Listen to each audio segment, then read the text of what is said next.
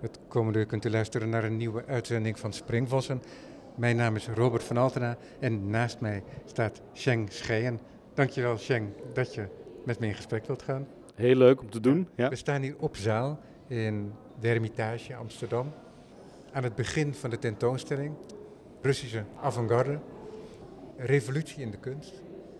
Mensen kennen jou ongetwijfeld wel omdat je ook boeken hebt geschreven over de avant-garde kunst.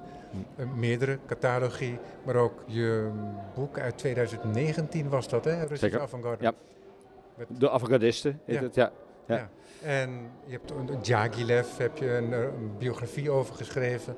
Dus je bent helemaal thuis in de materie, waarom je ook uiteindelijk dan gast, als gastconservator hebt kunnen optreden hier voor deze tentoonstelling. Deze tentoonstelling laat niet alleen beeldende kunst zien, maar ook toegepaste kunst. En daar gaat die tento- tentoonstelling over, want het hangt samen met de beroemde porseleinfabriek. Die heet tegenwoordig weer de Keizerlijke Porseleinfabriek. Ja, de, de, de staatsporseleinfabriek heet ze dan tegenwoordig. Maar daar wordt heel vaak ook in eh, eh, de retoriek aangerefereerd als de keizerlijke porseleinfabriek. Ja, Ja, precies. Dat terrein van die toegepaste kunst, ben jij daar ook eerder mee bezig geweest? Ah, in de eh, avant-garde geldt eigenlijk, een van hun premisses is dat het artistieke, het artistieke domein zich uitbreidt naar alle onderdelen van, de leven, van het leven en van de samenleving.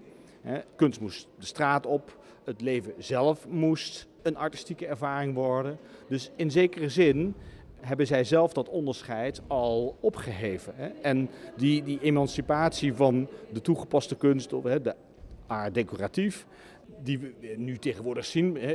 Niemand kijkt er meer raar van op als je een, eh, een kunstmuseum binnenloopt en je ziet eh, vazen van Sotsas maar zeggen, als autonome kunstwerken gepresenteerd. Dat is natuurlijk in die avant-garde periode eh, begonnen. Dus in die zin, ja, eh, daar heb ik me heel sterk mee bezig gehouden. Eh, bijvoorbeeld bij, bij Tatlin, die die grote beroemde toren heeft gemaakt. Dat is een vorm van toegepaste kunst, als je dat als architectuur ziet. Je kunt ook zeggen, het is eigenlijk een beeldhouwwerk. Maar in ieder geval die, die vervaagde grens tussen de high art en de toegepaste kunst, het schilderij en de rest, die is toen eh, opgeheven. Dat was deel van het programma. En wat heel belangrijk is om te vermelden, is dat dat al voor 1917, voor de revolutie, eh, onderdelen uitmaakt van die gedachtenwereld van de kunstenaar. Zeker. En dus eh, dat is eigenlijk ja, zelfs net voor de Eerste Wereldoorlog al ontwikkeld. Hè, als die kunstenaars eerst eh, beginnen met performances. Hè, dat is in Rusland veel geweest. Performances op straat, in cafés. Het, helemaal samenvallen van bijvoorbeeld het maken van boekjes. Beeldend kunstenaars die eh, met dichters samenwerken, eh, heel intensief. Maar ook mensen die dat allemaal tegelijkertijd zelf doen. Dus veel van de dichters, Mayakovsky bijvoorbeeld, was ook een beeldend kunstenaar. Malevich was ook een schrijver. En als je naar zijn teksten kijkt, eh, dat zijn niet zomaar het soort theoretische teksten dat je hè, met enige goodwill bijvoorbeeld bij, bij Kandinsky of bij Mondriaan vindt. Dat zijn eigenlijk ook poëtische, ja, poëtische gebeurtenissen. Malevich heeft ook behoorlijk wat poëzie eh, geschreven. Nooit gepubliceerd, maar dat, dat staat nu in dat grote verzameld werk. En dus die, dat samenvallen, dat samenballen van al die kunstdisciplines, dat begint inderdaad al voor de revolutie bij de avant-garde. Je zou zelfs kunnen zeggen dat bijvoorbeeld in de producties van Diaghilev dat ook al plaatsvond. Al ging het dan daar meer om samenwerkingen en op wat grotere schaal. Maar het idee dat de verschillende disciplines eigenlijk konden samenvloeien en dat het artistieke niet meer werd gedefinieerd door een medium, maar door iets anders, door een theorie, door voor mijn part iets spiritueels. Dat begint overal in Europa, zal ik maar zeggen, ja, vanaf 1905 tot, tot wasdom te komen. Dit is een vrij praktische toepassing dan, hè, dat, dat porselein. Maar het bestond er ook uit dat een Malevich uiteindelijk op uitnodiging, denk ik, naar Vitebsk ging. De stad ook van Chagall, waar Chagall ook les gaf. Ja, ja. Maar ehm, waarom ik, waarom ik in de Vitebsk plaats nu, ja. is omdat hij daar in die provinciestad die suprematistische ideeën ging projecteren op de architectuur, op de stad. Ja. Dus dat was die verbreiding al in de alledaagse wereld. Ja. Dus voorbij het kader van het schilderij. Ja, en dat is inderdaad, het is een cruciaal moment in die ontwikkeling van Malevich. Want hij had er kort daarvoor had hij het schilderen definitief vaarwel gezegd. Hij had een paar van die wit-op-wit schilderijen gemaakt, waarvan er ehm, drie in het stedelijk zijn, eentje in het MoMA tegenwoordig. En daarmee had hij als het ware gezegd, ja nu is de taak volbracht. Alles wat er mogelijk is eh, in twee dimensies, dat heb ik uitgebuit. Eh, het was niet een man die ja, hield van een voorzichtig statement. Het was gewoon afgelopen. Mensen, er waren allerlei mensen die dat niet zagen, maar goed, hij had het nu toch gewoon gezegd. Hij hield er zelf mee op. En toen ging hij naar die school en toen heeft hij twee dingen gedaan. Hij is begonnen met, met wat een jarenlange verhouding tot het onderwijs zou zijn. Eigenlijk het doorgeven van zijn ideeën. Hij is meer, zou je bijna kunnen zeggen, een conceptuele kunstenaar geworden. Hè, waar niet meer het maken, maar het concept, het denken daarover de basis vormde van de kunst, die dan allerlei resultaten had. Hè, maar uh, het was gebaseerd op theorie, dus het, schrijven is begonnen, het overdragen van die ideeën op soms hele jonge kinderen. Het had dus ook het kenmerk een beetje van een cultus. Hè. Uh, die studenten ver, vereerden hem ook. Uh, hij uitte zich ook in een taal die ja, vrijwel onbegrijpelijk is. Hè, dat is als je die teksten van Malevich wilt Ideaal doorgronden. voor een cultus. Ideaal voor een cultus. Hè, dat is zelfs deel, denk ik, van, van de methodiek van een cultus, dat het niet begrijpelijk is. Of niet, hè, dat een zeker Ja, mysterieuze esoterie. Precies. Eh, maar tegelijkertijd verzamelde hij dus een, ja, een aantal ook eh, zeer getalenteerde mensen om zich heen, waaronder. Hè, die is ook, ook de verbindenis tussen Malevich en Lissitzky, die toch heel cruciaal is geweest voor van alles eh, in de kunstgeschiedenis. Die is daar begonnen. En een van de effecten in ieder geval was hè, die, die uitbreiding inderdaad naar de driedimensionale ruimte. Op de gebouwen, maar ook in het maken van die zogenaamde architectons. En daar komen we later nog op terug. En dus hij ging ook driedimensionale objecten maken. Uh, kortom, het, het was een, een, een, echt laboratorium. En ook dat is een interessant verschijnsel. Hè? Dus de, de kunstenaarsstudio niet meer als een plek om te maken, maar als laboratorium te, te definiëren. En allemaal dat soort cruciale momenten waar we nu aan gewend zijn. Als je naar de Rijksacademie gaat, dat, dat voelt bijna als een laboratorium met allemaal rare, ingewikkelde technische mogelijkheden die er zijn. Maar dat idee, oké, okay, we herdefiniëren de kunstenaarsruimte niet meer als een maakplek, maar als een laboratorium. Dat, dat vindt eigenlijk allemaal dan plaats. Ja, mooi. Dat buiten het kader van het schilderij treden, hm. van die kunst en het zich verbreiden in de wereld, dat is niet zomaar een stap, een projectie, maar dat is echt een andere conceptuele opvatting. Hè? Omdat zo'n schilderij, dat ben ik altijd geneigd om te definiëren als een symbolische ruimte. Hè, dat is een ruimte die wij afzonderen van de werkelijkheid en die wij op een andere manier tegemoet treden. Hm. En die bijzonderheid in die hiërarchie, die moest doorbroken worden. Dat zie je in de hele 20e eeuw en het speelt Hm. nog altijd een rol Mhm. met performances. Is- Het is eigenlijk nog altijd nieuw. Ja, je kunt eigenlijk zeggen dat wat er toen is gebeurd, hè, de, die eerste conceptuele stappen die genomen zijn, ja, die werken nog altijd door. Je zou ook kunnen zeggen dat er daarna, misschien daarna niet vreselijk veel fundamenteels meer is gebeurd. Hè. Dus eh, dat, dat stelt ons ook wel een beetje een vraag wat de huidige kunstwereld eigenlijk is. Eh, is het, heeft een grote paradigmawisseling in het begin van de 20e eeuw plaatsgevonden? En is het daarna, hè, dat is nog een beetje uitgewerkt, natuurlijk, dat, is, eh, dat heeft zich geconsolideerd op allerlei manieren. Maar is er daarna nog echt iets anders geweest? Eh, in ieder geval, zo'n soort paradigmawisseling, dat heeft zeker niet meer Ja, plaatsgevonden. wat interessant is natuurlijk, is dat het schilderij nog altijd bestaat. Dat het in idee van die symbolische ruimte, zoals ik dat dan noem, dat het ook nog steeds bestaat. Mhm. Dat er weliswaar ook de verbreiding is in de wereld, maar dat het ook op een bepaalde grens stuit. Hè, dat je het beeld van bijvoorbeeld Donald Judd, die zonder sokkel in een ruimte wordt geplaatst. Dat betekent dus Ja. dat hij eigenlijk het sokkel is ook als een soort kader.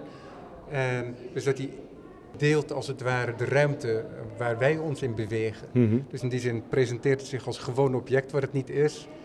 En daaraan kun je ook zien dat die symbolische ruimte nooit opgeheven kan worden, want die zit uiteindelijk, het kader zit uiteindelijk in ons hoofd. Ik, ik zou uiteindelijk kunnen. Ik denk niet dat er kunst bestaat zonder dat kader. Dus om de artistieke ervaring te kunnen hebben, moet er die afgrenzing zijn van de werkelijkheid op een bepaalde manier. Het kan niet zomaar eh, een, een onderdeel van de werkelijkheid zijn. Dan, dan is het niet meer dat artistieke moment. Ja. maar, dus, je hebt, maar je hebt een soort overgangsgebied richting design. Mhm, zeker. Waar we toch anders mee omgaan. Hè? Dat we toch anders beschouwen. Ja. Nee, dat, dat, dat is waar. En die grens wordt in deze tentoonstelling ook al volledig onderzocht door die kunstenaars. Dat is ook echt wel, wel spannend. Want ehm, en natuurlijk waren er kunstenaars die zich al met vormgeving gingen bezighouden. Maar dat zich met zo'n ja, toch wat een, het ordinair object van een soepterrien gingen bezighouden. En dan bovendien een soepterrien die eigenlijk al bestond. Hè, want die, die, die vorm die we zo meteen uh, gaan we wel bespreken, uh, die was er gewoon al. Ja. Hè. Dus ze zijn echt heel erg op zoek naar wat is dit? Zijn we nog wel kunstenaars als we dit aan het maken zijn? Of ja, uh, gaan we een stap op laag op de ladder? En um, dit, dit, dus, ze onderzoeken dit en ik, ik heb me vaak zitten na, uh, bedenken, hè, is dit eerder nou zo fundamenteel onderzocht als in die begin jaren twintig als Malevich en zijn leerlingen naar die porseleinfabriek gaan. Maar daar komen we later op. Ja, precies. We staan dus aan het begin, een beetje een lange preambule, maar wel belangrijke informatie, denk ik. Er zijn vier hoofdrolspelers, zou je kunnen zeggen, die de pilaren zijn van deze tentoonstelling. Dat zijn de twee kunstenaars waarvan we hier, uh, van iedere kunstenaar hebben we hier in het werk. Een, prachtig schilderij van Kandinsky. Werkelijk een voortreffelijk schilderij. Ja. Daarnaast hangt een schilderij van Malevich. Heb ik nog nooit in het echt gezien. En de andere twee, dat zijn uh, Nikolai Punin en uh, even kijken, wie is de andere ook weer? Sergei Tchechonin. Tchechonin. Ja. Dat zijn ontwerpers en tegelijkertijd worden zij ook artistiek leider binnen, ja, niet alleen, uh, niet alleen binnen de porseleinfabriek, meen ik, maar ook in de ruimere zin. Uh, uh, Poenin was een echte theoreticus. Dus helemaal, was helemaal geen kunstenaar. Okay. En, en Poenin was eigenlijk de eerste grote theoreticus van de avant-garde. Hij was met name de, hij is de belangrijkste theoreticus achter Tatlin. Dat is natuurlijk een ander verhaal. Uh, was... De, de, grote tegenstrever van Malevich. Zeker, zeker uh, was wel een echte kunstenaar. Ik vind eigenlijk dat hier nog wel één figuur erbij hoort. En dat is Sujetjin, Nikolai Sujetjin. Dat was de belangrijkste leerling van Malevich. Maar die, die, die term leerling doet hem eigenlijk niet helemaal recht. Want hij is wel altijd een suprematist gebleven. Dus in die zin kun je zeggen, ja, het, het, conceptuele deel van zijn kunstenaarschap, dat hangt wel heel sterk aan Malevich vast. Maar hij heeft daar, daar toch een vertaling aangegeven op allerlei manieren die wel heel uitzonderlijk is. Laten we bijvoorbeeld even, eh, we staan hier nu naast die Kandinsky, maar recht voor ons bij de trap staat een enorme foto van een maquette van een ontwerp, een ruimtelijk ontwerp van Sovjetin, gemaakt in 1937 voor het Sovjet-paviljoen op de Wereldtentoonstelling van 1937. Nou, die, die Wereldtentoonstelling in 1937 werd heel erg gekenmerkt door de strijd tussen de twee grote totalitaire staten, de nazi's en de Sovjets. Die stonden ook tegenover elkaar. Dus dat is, een, dat is een, een zeer monumentaal ontwerp. Maar dat is dus gemaakt door die suprematist. Terwijl op dat moment in die avant-garde, uh, die, die mocht helemaal niet meer getoond worden in de Sovjet-Unie. Malevich was al twee jaar dood. Uh, de meeste van die kunstenaars die werkten vrijwel ondergronds. Behalve die Sujetjin die eigenlijk in staat was om die vormentaal van Malevich, eh, vooral die driedimensionele vormtaal van de architectons, te vertalen naar een ruimte eh, ja, op zo'n manier dat dat aanvaardbaar werd. En het had een ongelooflijke kwaliteit. Dat zie je ook bij al zijn vazen, bij al zijn uh, ontwerpen. Hij was gewoon iemand die een enorme gevoel had voor de klassieke waarden, zou je zeggen. Dat is misschien raar voor een supertist of een avant Van balans, vorm, symmetrie. Eh, de, grote uh, artistieke uh, waarden. En ik denk dat je gerust kunt zeggen dat de, de nalatenschap van Malevich heel sterk heeft samengehangen met die Sujetje. Want hij heeft het in zekere zin daardoor acceptabel gemaakt. Zonder hem weet je niet wat er bijvoorbeeld gebeurd zou zijn met zijn schilderijen. Hè, dan zouden die misschien wel zijn vernietigd geweest of misschien niet in musea zijn opgenomen. Wat natuurlijk met andere kunstenaars is gebeurd en die hebben daar vreselijk onder geleden. Het feit dat we het werk van Malevich nog zo goed kennen, heeft er toch ook mee te maken dat het zelfs al was het Malevich en mocht je die naam eigenlijk niet meer noemen, het bleef een bepaald soort positie hebben onder theoretici en echte kenners. En het is daardoor in uh, musea uh, bewaard gebleven. Nou goed, dat is allemaal een beetje speculatie, maar die Sujetin is gewoon een ongelooflijk belangrijke figuur. Dus die noem ik erbij. Sujetin, Tsjechonin dus en uh, de eerder genoemde Poenin. Poenin, Poenin zeker. En dan hebben we hier te maken met de beeldende kunstenaars met wie zij in zee gingen. We zien dus, je noemde het al, Kandinsky met een van de, de mooiste bijna abstract of geheel abstracte werken uit 1913. Ja, het ziet er heel landschappelijk uit nog. Het, het ziet er heel landschappelijk uit inderdaad, omdat je ziet een, een, een gezellig heuveltje en nog wat uh, elementen. Uh, overigens maakte Kandinsky in die tijd ook al die uh, zogenaamde composities en die, die, die, hadden een nog meer abstractere pretentie. Ja, je zou kunnen zeggen dat hier nog zwaartekracht speelt. Precies, en, dat is een hele goede. Dat is in zijn andere werken uh, niet meer het geval. Nee, daar is het muziek geworden inderdaad. En uh, dat is ook wel weer interessant dat je dus ziet dat Kandinsky in die periode duidelijk gewoon nog uh, uh, van de ene naar de andere kant gaat. Het is niet zo dat het een hele dwingende ontwikkeling naar die abstractie is.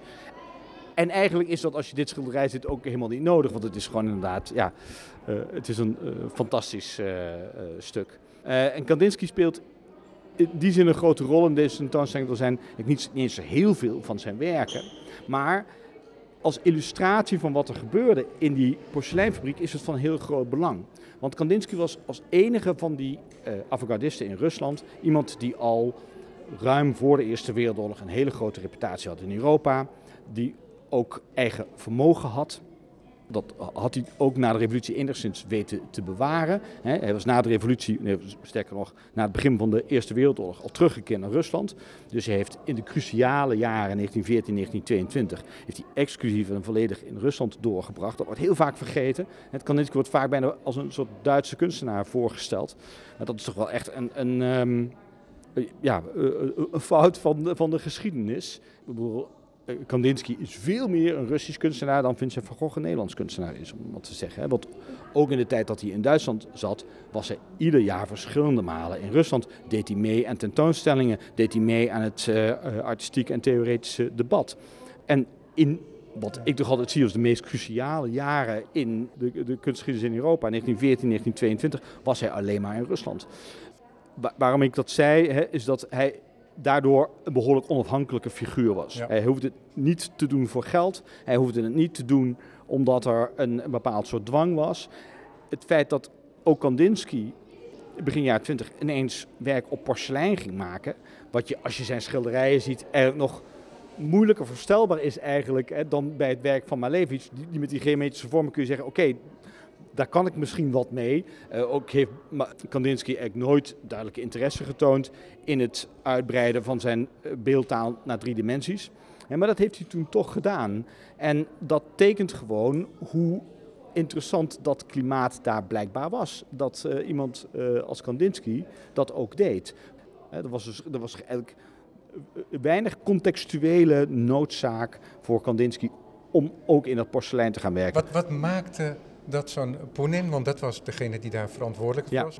Wat maakt dat zo'n Poenin met die kunstenaars in zee gaat? Want dat is zo'n radicale stap. Zeker. In het geval van Poenin is het zo dat hij al uh, lang daarvoor zichzelf had gemanifesteerd als de theoreticus van de avant-garde. Uh, um, uh, hij was een kunsthistoricus van huis uit, ook iemand met een ja, hele grote reputatie.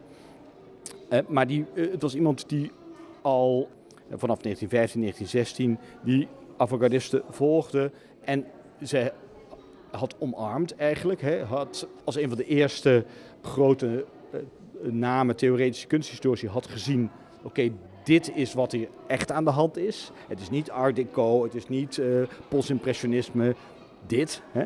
En daar had hij natuurlijk ontzettend ook veel in, in, van zijn reputatie in geïnvesteerd.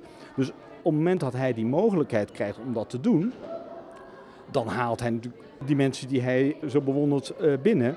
En dan kun je nog de vraag stellen, waarom kreeg Poenin die post? Dat is eigenlijk in politiek op zich wel interessanter, want in 1922 was de reputatie van die uh, radicale kunstenaars in de Sovjet-Unie al zeer problematisch. En ze waren eigenlijk al, het proces van marginalisering was al echt begonnen. De, de hoge posten die ze hadden bekleed in 1918, begin 1919 in de bureaucratie van de kunsten, die waren ze allemaal kwijtgeraakt. En ze waren hun posities kwijtgeraakt als de vormgevers van de jaarlijkse oktoberherdenkingen. Die waren ze al na één jaar kwijtgeraakt. Dus al die, die, die hoge posities waar ze kwijt, ze hadden nog wat positie in het onderwijs. Dat was eigenlijk het enige wat over was.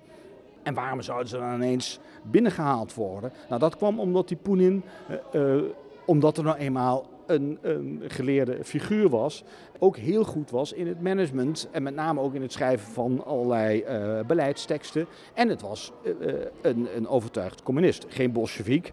Maar ideologisch zat hij aan de goede kant. En de Bolsjewieken hadden op dat moment nog steeds voortdurend een enorm probleem om managers, leiders te vinden, waar ze in ieder geval in ideologisch opzicht min of meer op konden vertrouwen. En uh, die ook in staat waren om iets tot stand te brengen. Die dus uh, ja, niet alleen maar uh, revolutionair begeesterd waren, maar in staat waren om iets te doen, om iets uit te voeren, om een bepaald bureaucratisch proces te volgen dat kon die Poenin allemaal. En dat hij vervolgens al die mensen uitnodigde, dat kwam ook best wel als een schok voor uh, de grote bazen. En daarom heeft dat ook maar heel kort geduurd. in 1923 moet Poenin alweer uh, plaatsmaken. Ja. en dan ook verdwijnen het grootste deel van die avant-gardisten weer uit de fabriek. Dus dat is een, dat is een, een, een kort momentum geweest. Wanneer komt Malevich in beeld? Eh, in precies dezelfde tijd, 1922, wordt hij uitgenodigd door die Poenin. En Malevich neemt dan onmiddellijk ook zijn leerlingen mee. Eh, en we, laten hier een werk zien van Malevich in 1927. Eh, we hebben de zogenaamde tweede boerencyclus. Nou, mensen die in het stedelijk komen, die kennen ongetwijfeld de eerste boerencyclus van Malevich. Want er is uit 1913 zo'n fantastische houthakker in het stedelijk. Uh, dat zo'n ehm, ja, figuratief schilderij met een, een, een, een uh, houthakkende boer opgebouwd uit cilinders. Hij begint dan in 1927 aan wat dus geldt als zijn uh, zogenaamde tweede boerencyclus. En dit is een van de eerste schilderijen daaruit.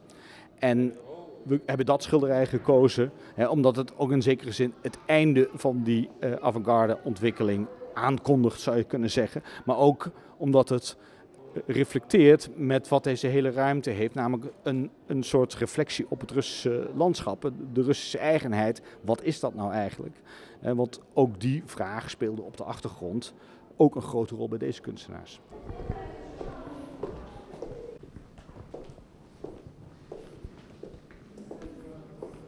We zijn nu langs de kabinetten gelopen en we bevinden ons nu in de grote benedenzaal.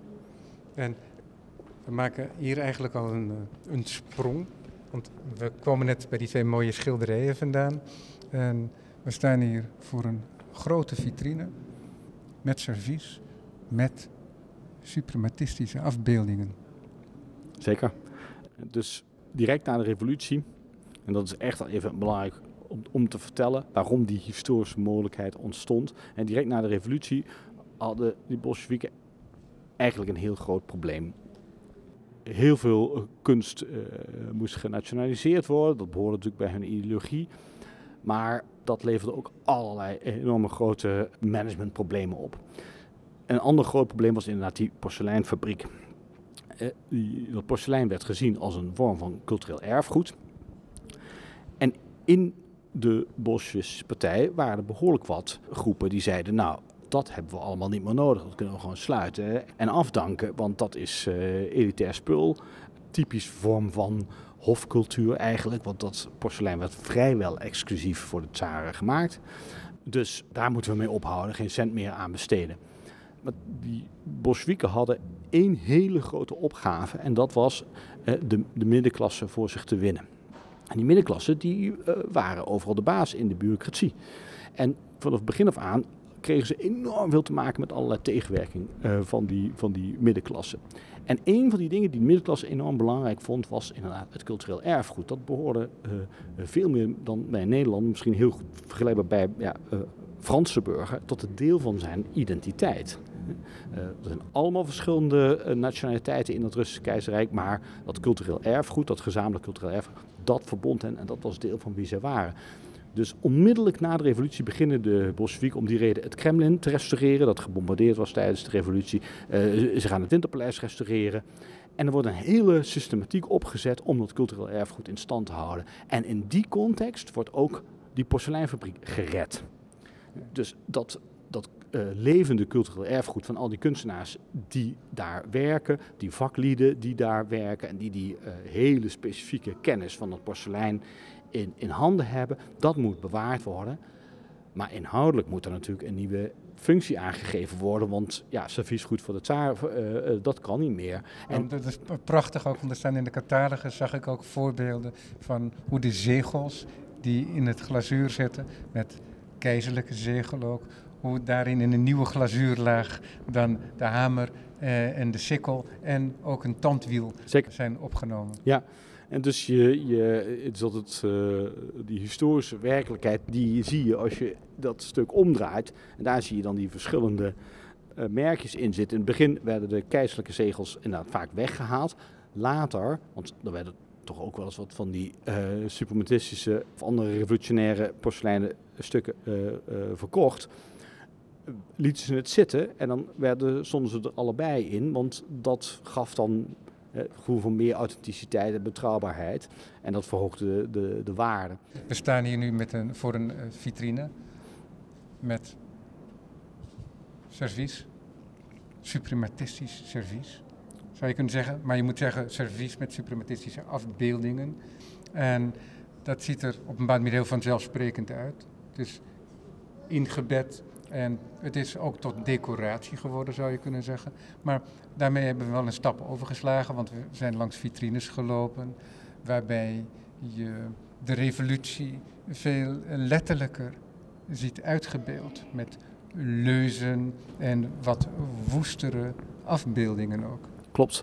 Dus dus een directe vertelling eigenlijk van die revolutie. Klopt. Dus de, de, de eerste manier om te legitimeren eigenlijk dat dat porselein nog steeds bestond en dat die eh, kennis behoudelijk kon blijven, was door ja, de revolutie als het direct op de borden en de vazen en de, de, de, de, de, potten te, te, te zetten met allerlei leuzen. Hè. Er was een hele reeks leuzen uh, die goedgekeurd waren door uh, Lenin persoonlijk. Die mochten ook gebruikt worden buiten. En die uh, keerden terug op die borden. Ook de bekende symbolen. Maar ook vaak een heel nieuw soort revolutionaire symboliek. Dus die kunstenaars waren ook heel erg op zoek. Oké, we kunnen een arbeider afbeelden. Oké, okay, de volgende stap, we gaan industrie afbeelden. Je ziet dat, dat ze nog heel erg op zoek zijn naar die nieuwe iconografie. En daarom is die, die, die eerste paar jaren in die porseleinfabriek toch ook heel interessant. Terwijl dat stilistisch heel sterk in bijvoorbeeld de Art Deco geworteld is. Hè, is het zoeken naar die nieuwe iconografie wel heel erg interessant. En later is dat uh, ja, geconsolideerd en blijven er bepaalde uh, iconische momenten over. Ja, maar, maar, dan zijn ze nog heel erg aan het zoeken. Ja, maar het contrast is zo groot, omdat het is heel pamfletistisch, zou je kunnen zeggen. Zeker. En dat is heel mooi. Het pamflet, het ultieme tijdelijke, ja. um, verzegeld in het glazuur op porselein. Ja, het is en, een heel raar contrast inderdaad, een hele en, paradox. Wij zitten nu hier voor die vitrine en er is een soort kalmte is er teruggekeerd. Zeker. Waarbij in, in die stap naar, die, naar dat suprematisme afgebeeld en van dat pamfletisme, dat is echt zo enorm. enorm. Maar dat is in een heel kort tijdsverstek heeft dat plaatsgevonden.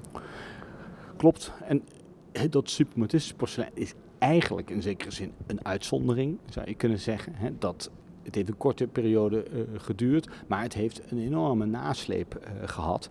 Omdat het, jij zegt, eigenlijk veel beter geschikt is, zou je kunnen zeggen. Maar het was voor de leerlingen van mijn leventje ook een enorme uitdaging. Want Ja, zij waren wel kunstenaars. Sterker nog, hè, ze hadden geleerd van hun leermeester dat zij de enige ware kunst aan het maken waren. En een kunst die bovendien allerlei uitspraken deed. Niet zozeer over de direct zichtbare werkelijkheid, maar over de werkelijkheid achter de dingen. Eh, een, een kosmische werkelijkheid, een vierdimensionale of. Uh, Malevich sprak zelfs over een, een dimensies die zich voortdurend blijven uitbreiden. Ja, dat was echt de dada uit die tijd. Ja. Inderdaad.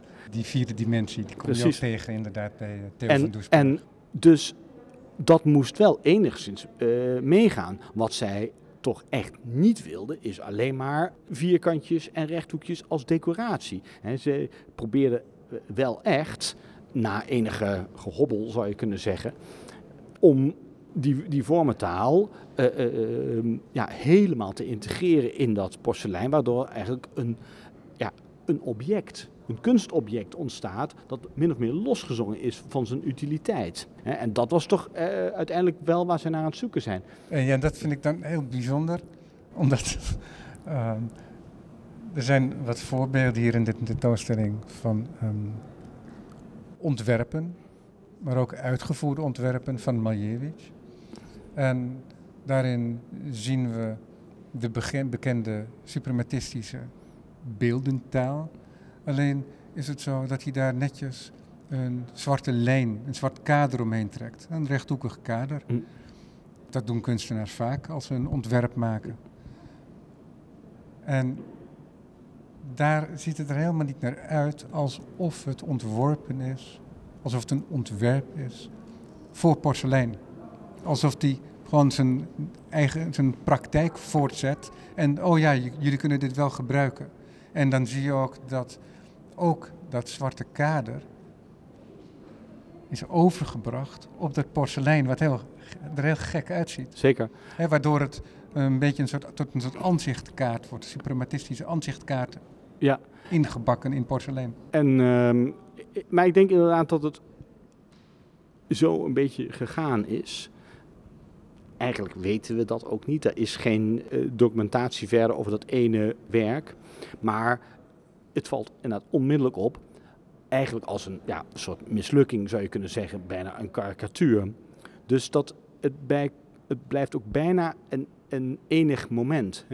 Direct daarna zie je dat ze daar dus eigenlijk afscheid van gaan nemen.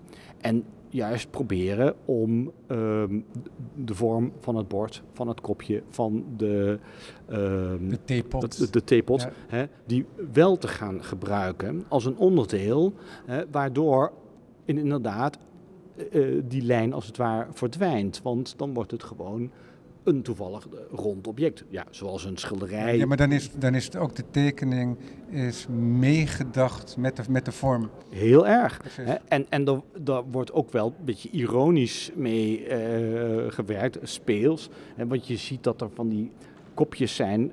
Een normaal uh, schoteltje voor, voor een theekopje heeft altijd een kleine verdieping waar het kopje in moest passen. Hè? En dan gaan ze dat wordt ook vaak benadrukt. Soms zie je dat ze gewoon die vorm naar vervolgen. Soms zie je dat ze dus de, de zwarte cirkel als het ware een klein stukje opschuiven. Dat doen ze een paar keer. een beetje excentrisch. excentrisch maken. Hè, waardoor ze eigenlijk ja, die natuur van dat uh, schoteltje ontkennen, zou je kunnen zeggen. Dus aan allemaal dat soort dingen zie je dat ze daar heel erg mee bezig zijn hè, en proberen tot een heel nieuw soort uh, manier te gaan om naar het porselein te kijken. En toch eerder eigenlijk als een, als een kunstobject te zien hè, dan als een, een, gebruiksvoorwerp. Want uiteindelijk waren ze hè, daar ja, zeker de supremacisten niet zo vreselijk in geïntroduceerd. Uh, uh, Malevich was absoluut een anticonstructivist. Hij, hij wilde niet dat zijn kunst utilitair werd. Nee, alles wat zich in de wereld aandiende, de politiek, de, de industrie, moest ten dienste staan van een, eh, een groter uh, artistiek begrip, een grotere artistieke beleving. Niet andersom. Het was niet zo dat de kunst ineens zich dienstbaar moest gaan maken aan de maatschappij.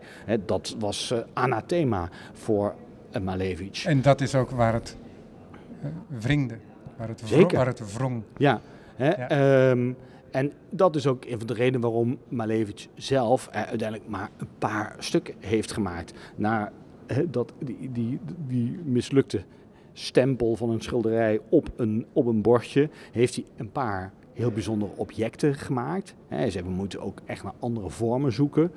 Laten we daar naartoe Ja, lopen precies. anders ondertussen. En eh, dan gaan we een verdieping, eh, een verdieping hoger. En in die verdieping hoger, daar is dan bij de openingszaal, is een hoekzaal, is een servies te zien van deze Maljevic. En dat servies, dat is van porselein wit. Dat heeft geen schildering, dus dat is echt object. Dus je zou kunnen zeggen dat dat een hele grote stap lijkt voor een Maljevic. En die vitrine met dat servies, die staat niet alleen in de zaal, want die heeft een machtige, een machtige buur. En dat is eh, een van de zwarte vierkanten van Maljevic.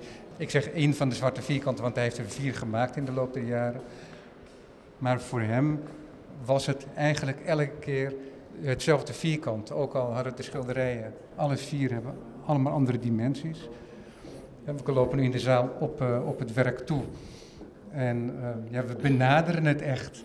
Hè, alsof we op audiëntie gaan bijna. Ja, of eerder met een zekere angst. hè. Ja, Zou je, ja, ja, bij, bij, bij een, een, kwaadaardig heerser in de buurt komen. En, En, eh, ja, maar wat mooi is, is dat hij ze allemaal eh, dateerde op 1913. Ook al waren ze in 1915, 1923, 1929 en 1932 geschilderd, respectievelijk. Ja, en dat komt, in die zin zou dat kloppen, omdat ze een idee weerspiegelen. Hè. Het is een conceptueel kunstwerk in zekere zin. Hè. Het gaat er natuurlijk niet per se om hoe die lijntjes van dat zwarte vierkant precies lopen. Hè, want je zei heel terecht, die mensen zijn anders altijd. Maar sommige van die vierkanten, zeker het eerste, is niet, niet een perfect vierkant overigens. Ja. Uh, maar uh, dat is eigenlijk allemaal niet zozeer ter zake doende. Het gaat om het idee van dat uh, schilderij. Een, een, schilderij waar je zou kunnen zeggen de hele schilderkunst, zoals een van de theoretici het zei, de hele geschiedenis van de schilderkunst samenkwam om er te sterven. Een, een soort nieuw nulpunt te benadrukken. Tot hier en niet verder. Maar ook, het is een, schilderij met, met wielkanten, toen hij het voor het eerst ophing, we hebben ook een foto uh, links van gehangen, hing hij op in de bovenhoek van de zaal. En dat is traditioneel de plek waar het huisicoon hangt. En een orthodox gelovige kan niet zomaar, uh, zoals een, een, katholiek of een protestant, bidden tot God of tot een, tot een heilige zoals een katholiek. Uh, die heeft daarvoor een icoon nodig. Daarom hebben Russen huisicoontjes, uh, reisicoontjes mee. Daarom zul je in een vliegveld en in een treinstation, als je goed kijkt, ook ineens ergens in een bovenhoek een icoontje zien hangen. Omdat dat dan een plek is waar je contact kunt maken met het, het goddelijke. Een, een portal als het portal. ware die ons contact geeft het met, is, met het hoge. Het is heel uh, science fiction, het ja. is een portal. Hè? En het feit dat hij dat daar neerzette was natuurlijk provocatie, deels. Want provocatie is heel deel van het instrumentarium van deze kunstenaars. Eigenlijk altijd. Maar het had ook die andere betekenis van... oké, in, een, wereld waarin op zichzelf het goddelijke als zodanig... als een, een vader type niet meer bestaat... maar we ineens ruimte hebben gekregen in het kosmische... in de wereld van de, de deeltjesfysica... waar uh, uh, Malevich als op, onopgeleide jongen toch ook heel erg in geïnteresseerd was. Daar bevindt zich een veel grotere werkelijkheid. Hè, en die, dat zwarte gierend biedt daar toegang toe. Dat is een portal tot, tot een heel ander soort beleving van de werkelijkheid. Ja, want dat is heel interessant, omdat die, het is ook een schilderij. Het is niet alleen maar een conceptueel werk en een symbool. Zeker. Niet zomaar met een wit kwast en een, en een zwarte kwast is er iets opgezet. Het is echt geschilderd. Zeker. Ja, je hebt gelijk. Het is zeker niet alleen maar een, een conceptueel kunstwerk. Het is ook echt een schilderij, geschilderd object. En dan gaan we nu naar die vitrine daarnaast, die ik al eerder eventjes noemde. En daarin staat dus uh, wat theekoppen en koffiekoppen en een thee- of koffiepot. En een, een inktpot. Maar die inktpot is echt een suprematistische sculptuur. Alleen, er is helemaal geen kleur. Klopt. En er is geen, geen, geen tekening. Dus het is object.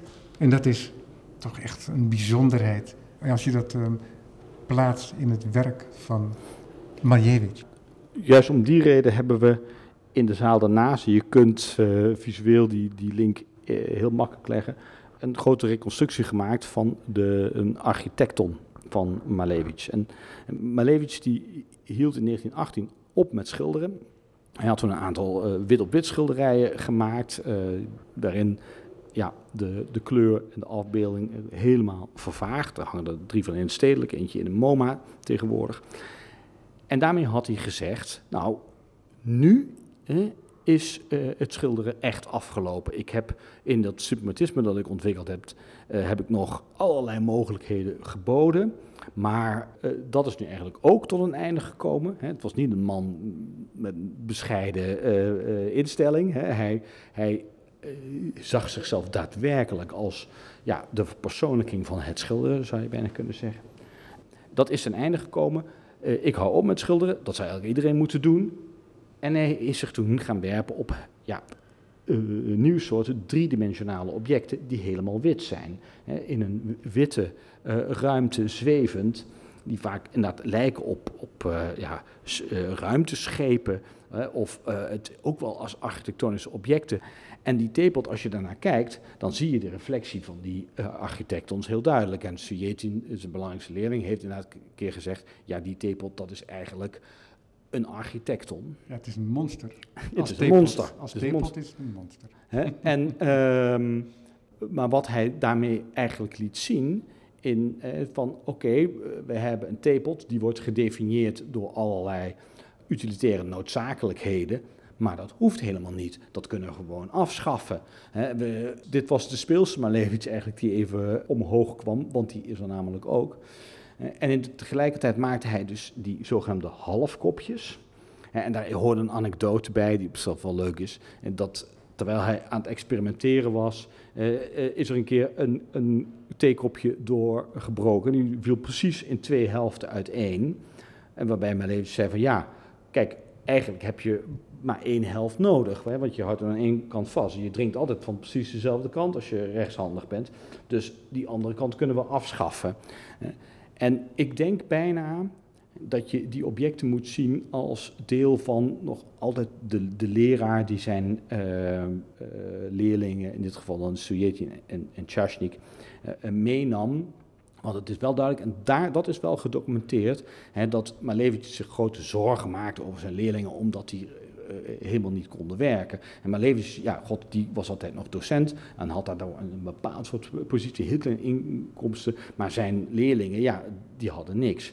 En toen zij de mogelijkheid kregen om, om op die uh, porseleinfabriek te gaan werken, heeft hij dat enorm gestimuleerd. Heeft hij een paar brieven voor geschreven om dat extra aan te moedigen, om die jongens daar langer te laten werken. En ik ik heb soms het gevoel, omdat het zo uitzonderlijk in zijn oeuvre is om een utilitair object te maken, dat het te maken heeft dat hij zijn leerlingen laten zien: oké, jong, dit is mogelijk. Uh, als je uh, bereid bent om echt vanuit een artistiek perspectief naar te kijken, dan, dan hoef je je niet aan te passen aan eh, de vormen die bestaan, maar dan maken we gewoon iets totaal nieuws. Mooi. Prachtig. Zullen we nog een klein stukje verder lopen? Ja. Want toen ik hier afgelopen woensdag was, toen viel mijn oog op een suprematistisch schilderij van diezelfde Malevich. En vanaf verbaasde is, ik had het beeld nog nooit gezien. Kleurstelling is anders. Maar toen ik het bordje daarnaast zag, stond er 1928, 1929. Ver voorbij de datum waarvan ik dacht, waarvan ik weet had dat Malevich suprematistisch schilderde en überhaupt mocht schilderen. Hm. Ja, daar heb ik uh, wel duidelijke gedachten over. Want je stelt eigenlijk precies de juiste vraag. Namelijk van waarom uh, ging hij dit nou doen? Uh, maar dat hangt samen van, met de vraag waarom ging hij eigenlijk überhaupt weer schilderen? Want hij had dat schilderen, hè, had hij nou juist een punt achter gezet. En heel snel doemt de vraag dan op, of hè, van, doet hij dat als een aanpassing, als een, als een knieval, zou je kunnen zeggen, voor de stilistische eisen van het regime. Nou, we kunnen dat historisch uh, vrij precies uh, zien wanneer dat schilderen weer begint, omdat hij medio jaren 20, 26, 70, begint het allerlei gesprekken over een mogelijke tentoonstelling in Duitsland. Die gaat uiteindelijk ook plaatsvinden. In eerste instantie zou het in Hannover zijn. Lisitsky, die had nog altijd veel contacten in Duitsland. En die had dat, probeerde dat te entameren. En in die tijd, in de jaren 20, kon dat ook nog net. En om dat dan te gaan doen, gaat Malevich terug naar al zijn schilderijen. hij moet dan een keuze gaan maken in, zijn hele uh, output aan schilderijen. Hij ziet dan dat allerlei schilderijen in slechte staat zijn. Hij begint te restaureren. En in dat proces ja, begint hij gewoon weer te werken. hij, hij hervindt zijn uh, schilderende zelf, zou je kunnen zeggen. En wat jij heel terecht opmerkte, is dat zelfs het zwarte vierkant, wat natuurlijk wel een heel duidelijk conceptuele basis heeft, een echt schilderij is. Maar ook daarvoor, um, Malevich, zo wordt hij natuurlijk niet heel vaak voorgesteld, maar als je naar zijn hele uitboek kijkt, het is een, in zekere zin een echt schildersbeest. Hij is al vanaf 1905 bezig. En hij is ongelooflijk snel iedere keer weer in het uitvinden van een, een, een nieuwe stijl.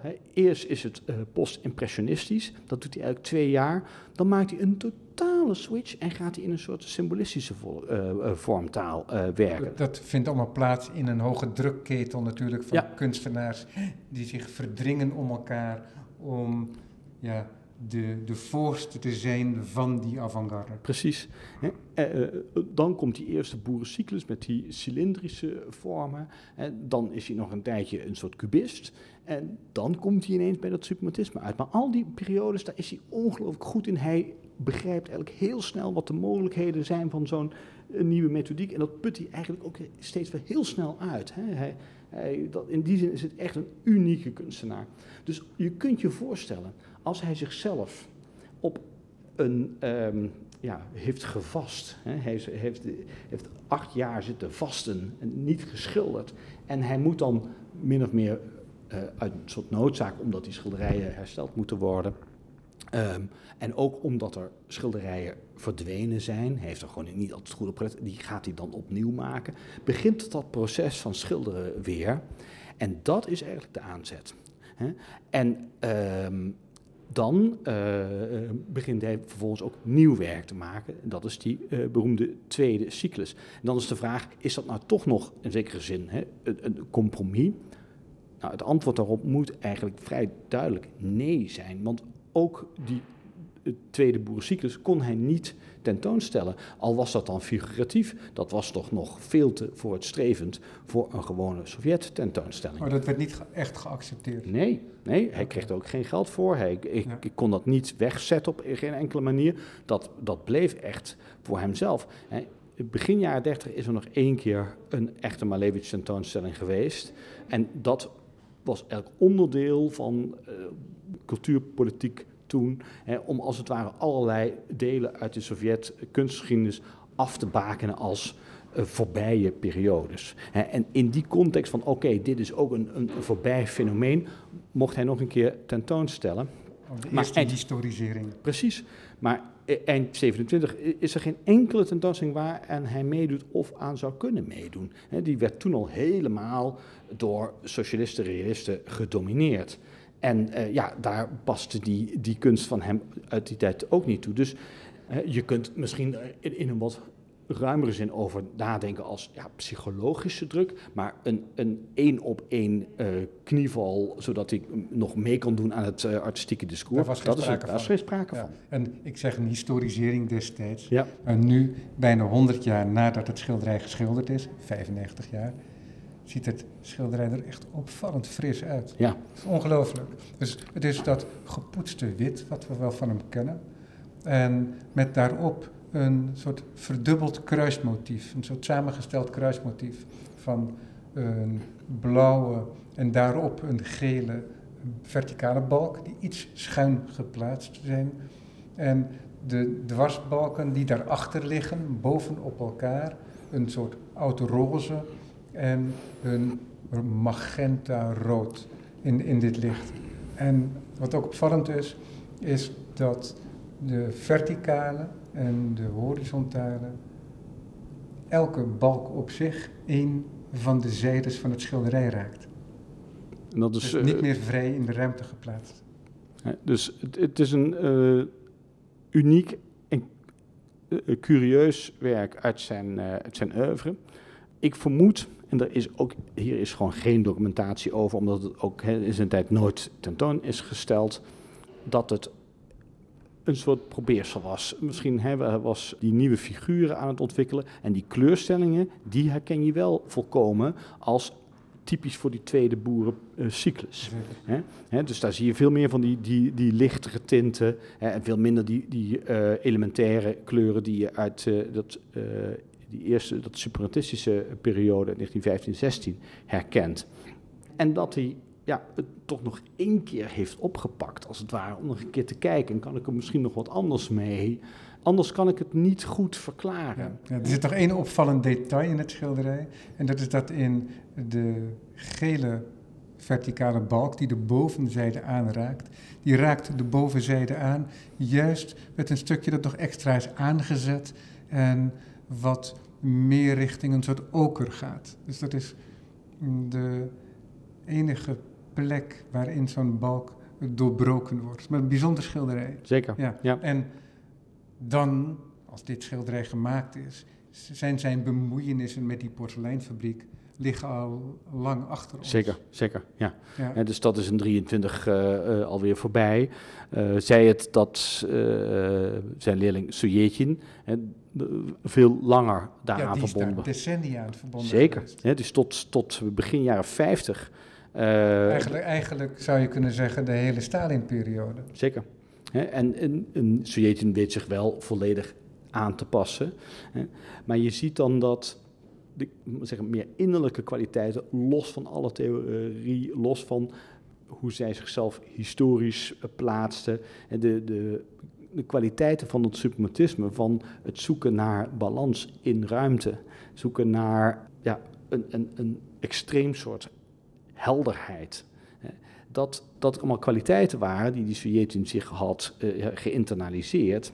En die natuurlijk fantastisch in dat porselein konden worden um, gerepresenteerd. Want ja, dat porselein heeft iets hè, van dat zuivere, bijna etherische, die dunne vorm en dat, en dat uh, ja, uh, schitterende wit daarvan. Was het ook een soort veilig gebied waarin hij een bepaalde beeldentaal tot uiting kon brengen die, die niet in schilderijen had kunnen uitdrukken Absoluut. in die periode. Absoluut. Dat, je ziet dus heel veel dat uh, avant-gardisten of, of, modernisten, hè, die, die gaan naar de marges van het culturele veld. Heel veel mensen gaan bijvoorbeeld werken als uh, illustrator voor kinderboeken. Hè, en uh, theaterontwerp, textielontwerp, hè, daar gaan ze naartoe omdat het daar nog goed vol te houden is. Het rare is dat als de, um, de, grote culturele zuivering plaatsvindt, hè, die uh, in 1936, uh, waar bijvoorbeeld ook Shostakovich, uh, de componist, zwaar getroffen is, dan worden bijna al die, die marges worden daar ook gezuiverd. Er vindt een grote zuivering plaats, bijvoorbeeld in de, de, de kinderuitgeverijen, uitgeverijen van kinderboeken, om die avant ofwel weg te krijgen of ze toch nog meer te laten aanpassen. Maar die Sujetjin weet dat in die, dat porselein min of meer, hij krijgt wel een paar klappen te verduren, hè, uh, te voorkomen en blijft artistiek leider tot 1952 en tot zijn dood. En dat is iets unieks. En ik heb me heel vaak afgevraagd, waarom is dat? Waarom is hij niet uh, gezuiverd zoals dat in het theater en in de, in de kinderboeken en al die andere uh, marginale verschijnselen uh, is gebeurd? En het enige wat, en dat heb ik ook wel in die gesprekken met de specialisten uit de Hermitage hebben opgevangen, want ook zij weten het antwoord daar niet volledig, het blijft speculatie, maar dat hij gewoon, hè, omdat hij zo ontzettend goed was, uh, ook heel veel steun had vanuit die fabriek. Want mensen zagen gewoon dat hij um, uh, ja, iets aan dat, met dat porselein kon doen dat, uh, dat anderen niet konden. Ergens daarin moet het. moet het en misschien wel dat die vormentaal van dat symbolisme uitstekend paste bij dat porselein. Dat dat een, een, een hele natuurlijke link was op een bepaalde manier waardoor hij uiteindelijk acceptabel bleef. We lopen nu weg bij dat uh, schilderij van Malevich. Malevich, die overigens zelf heel jong komt te overlijden in 1935. Niet vermoord, maar omgekomen door kanker, meen ik. Zeker. Ja. Uh, waar, waar ik het belangrijk vind om bij op te merken dat uh, mijn leven drie keer gearresteerd is geweest, ja. mishandeld, zo niet gemarteld. wat zijn lichamelijke conditie enorm heeft verslechterd. Vooral die laatste arrestatie heeft er heel sterk ja, ook door een soort... Dat is dan eigenlijk vlak nadat hij dat schilderij heeft gemaakt. Hè? Want dat is 29, ja. 30 ja. moet dat uh, en, en dus uh, uiteindelijk vindt die Duitse tentoonstelling plaats, waarvoor dat dus is gemaakt. En op de, uh, als hij terugkomt, dan wordt hij gearresteerd. Um, ja, ook vanwege die, die buitenlandse connectie, want dat was natuurlijk toen heel verdacht. En nou, ik heb daar veel onderzoek naar gedaan, zoveel mogelijk als werkelijk ieder documentje, snippertje uh, wat hierover bestaat, heb ik uh, onderzocht en omgekeerd.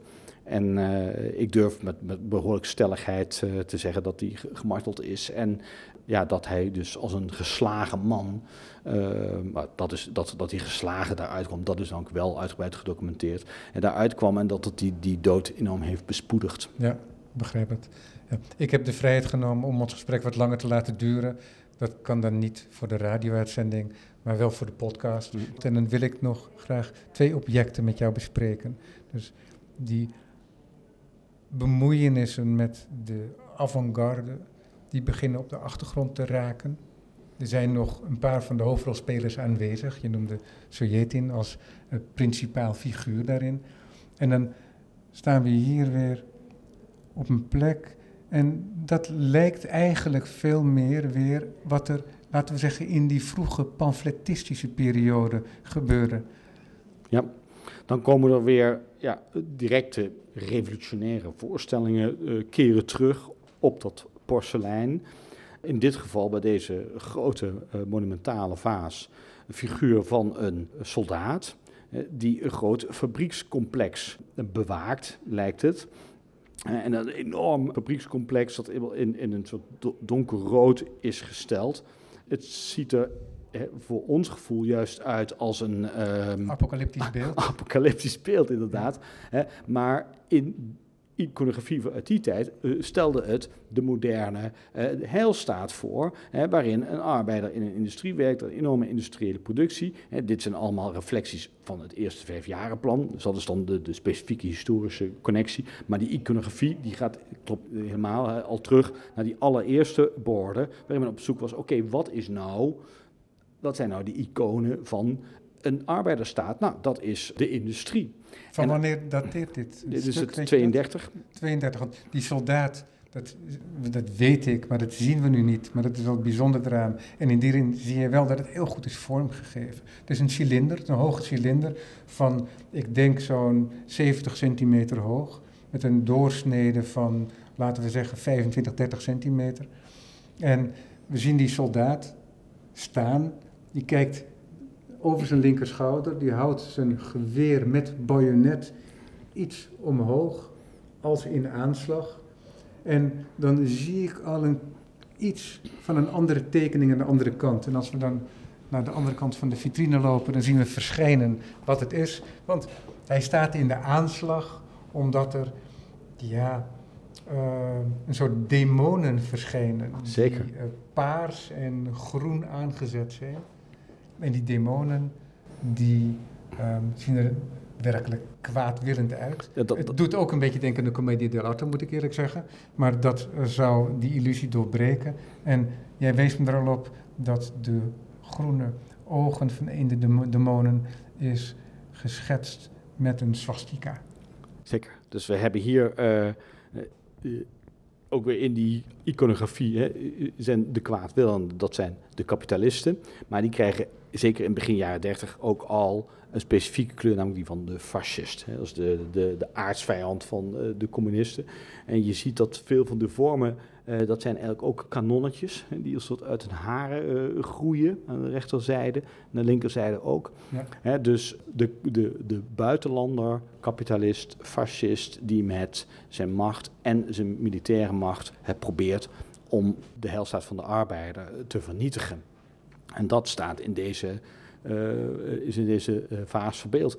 En het interessante is ook weer dat hè, die vormentaal is toch nog niet het, uh, het volledig socialistisch-realistische plaatje dat eruit ziet als een Hollywood poster. Hè. Dus de figuren zijn nog heel sterk ge, uh, gestileerd. Ergens speelt een modernistische vormentaal hè, uh, nog steeds een, een rol. noodzakelijk om ja, dat hele verhaal met die symboliek uit te kunnen beelden. Ja, want er zit hier nog een soort vorm, met name in het kwaad, hoe dat uitgebeeld is. Dat, um, er zit ook een, uh, het enige expressionisme komt daarbij kijken. Zeker. En uh, ja, dan laat het zien dat, dat de porselein, dat uiteindelijk was het natuurlijk een vrij marginaal verschijnsel. Hè? Ja. Dat is een, is, een, is, een, is een unicum. Het was niet een schilderij. Dus daar was toch in zekere zin meer mogelijk dan op een, uh, op een doek. Maar, maar met, met ook is het een vrij grimmige afbeelding. Um, wat me dan opvalt is dat de leus uh, die daar met gouden letters uh, tussendoor wordt geweven. En die leus die vormt als het ware een barrière tussen de demon en uh, de industrie die bewaakt wordt. Zeker. Maar wat het heel interessant is, is dat die letters een, een zeker Oriëntaalse romantiek lijken te hebben. In ieder geval voor mij als Nederlander, die het ook niet kan lezen. Hmm. Uh, weet je wat er staat?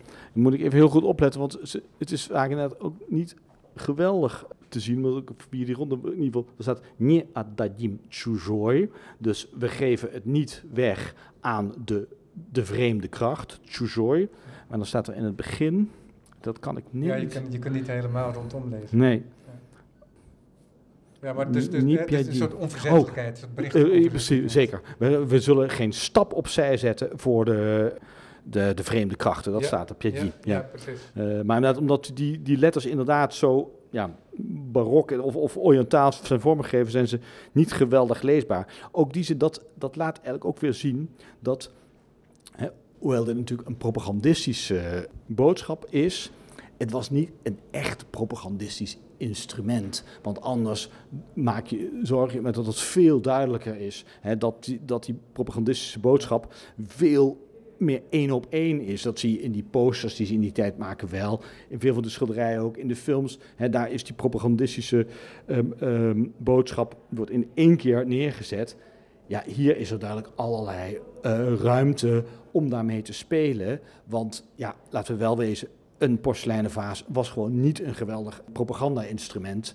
Ja. En juist het feit dat het dat niet is, geeft allerlei ruimte aan die kunstenaars. Ja. En dan, dan keert het eh, iconografisch bijna inderdaad terug naar die periode van net voor de revolutie. ja, waarin een, een, een geïdealiseerde uh, visie wordt gegeven op de gehele Russische, of in dit geval dan Sovjet-natie, uh, ja. met de, de, de, de, gezonde boeren. En, uh, het, het, laatste stuk in de tentoonstelling is een grote porseleinen beeldengroep om de, de, nieuwe grondwet die Stalin heeft gemaakt op een feestelijke manier te benadrukken. En dan zie je ook al die verschillende volkeren terugkeren. Nou, dat is bijna één op één een terugkeer naar het begin van de tentoonstelling. Ja. Nou goed, dat hebben we natuurlijk ja. bewust gedaan, maar het, het klopt ook historisch. Ja, maar het is interessant om hoe je via die tentoonstelling, de manier waarop je het hebt, uh, waarop je het hebt uh, vormgegeven, dat je um, een hele belangrijke periode van de politiek-sociale geschiedenis van die Sovjet-Unie kunt aflezen aan het porselein. Zeker. Ja, dat dus, is... dus in die zin is, dat, uh, is de hele tentoonstelling een soort tapijt van Bayeux geworden.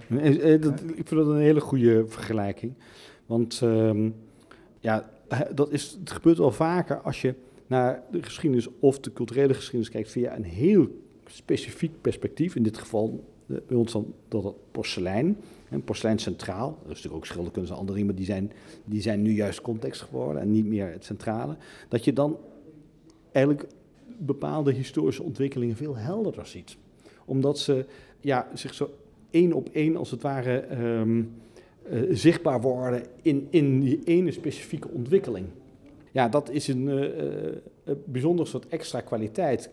Ik vind zelf dat heel veel van die porseleinen objecten zijn gewoon als kunstobject volkomen zelfstandig en hebben een hele eigen waarde. Maar inderdaad, in de volledige context, en zo hebben we het zeker ook gepresenteerd, geeft het ook een, een, een fantastisch historisch verhaal. Ja. Maar ja, dat is natuurlijk wat, wat je met kunst kunt doen. En, want kunst is dat hybride. Hè? Het, het, het maar, is het is, maar het is ook heel duidelijk, dus de boodschap van de macht die hierop geprojecteerd is. En in die zin is er niks veranderd. Alleen eerst was het dan voor binnen de paleizen en nu moest het, zich, moest het juist verbreid worden, ook over de wereld, ook buiten de Sovjet-Unie natuurlijk. Zeker. En uh, werd het ook in die zin een soort banier. Mm -hmm. maar tegelijkertijd met wat elementen daarin die niet helemaal werden geaccepteerd door die macht en ook er weer uit werden gewerkt. Ja, en dit, dit was natuurlijk een van de paradoxen van de Sovjet-samenleving. dus um, enerzijds was er uh, die enorme druk van bovenaf om een bepaald soort boodschap, een bepaald soort beleid uit te voeren, maar de ideologie van de staat stelde altijd dat dingen juist van onderop kwamen. En om dat enigszins vol te houden, moest dat ook altijd blijven gebeuren. Dus er bleven altijd rare plekjes van uh, uh, vrijheid of mogelijkheid om, om, om een beetje te bewegen over, omdat ja, de officiële ideologie het simpelweg niet kon volhouden om dat helemaal niet te doen. En die paradox, hè, die zie je hier voortdurend terugkeren. In de jaren twintig is er dan natuurlijk veel meer wiggle room. Hè, en op het einde heel, heel weinig tot bijna geen meer. Maar uh, bijna altijd zie je dat toch weer net wel. En die, die paradox van die Sovjet-samenleving, die is eigenlijk voortdurend geïllustreerd. Ja, wat wel interessant is aan deze tentoonstelling, vind ik ook, is dat een soortgelijke paradox ook in onze maatschappij speelt. Oh. Een neoliberale periode, een neoliberale regering. Ja. Maar tegelijkertijd willen die ook toch invloed uitoefenen op wat de kunst doet. Bepaalde dingen worden gesubsidieerd. Dingen moeten ook gehomogeniseerd worden. In die zin dat bijna elke uitdrukking ook voor iedereen moet zijn. Ja. En in die zin zijn er hele gekke, lopen er hele gekke parallellen. Die zijn niet altijd één op één, maar ja, dat is, biedt wel stof tot nadenken. En dus dat doet deze tentoonstelling ook als een soort spiegel voor onze maatschappij. Sheng Je bent, de, ja, je bent de eerste die dat opmerkt. Ik vind het een heel belangrijk punt. Dankjewel Dank. voor, voor dit gesprek. Het is wat langer uitgevallen, maar het was de moeite waard. En ik weet ook, je hebt zoveel te vertellen en lang niet alles is aan bod gekomen. De tentoonstelling is nog het hele jaar te zien. Dus um, ik zou zeggen, gaat dat zien. Dankjewel. Dank voor het luisteren.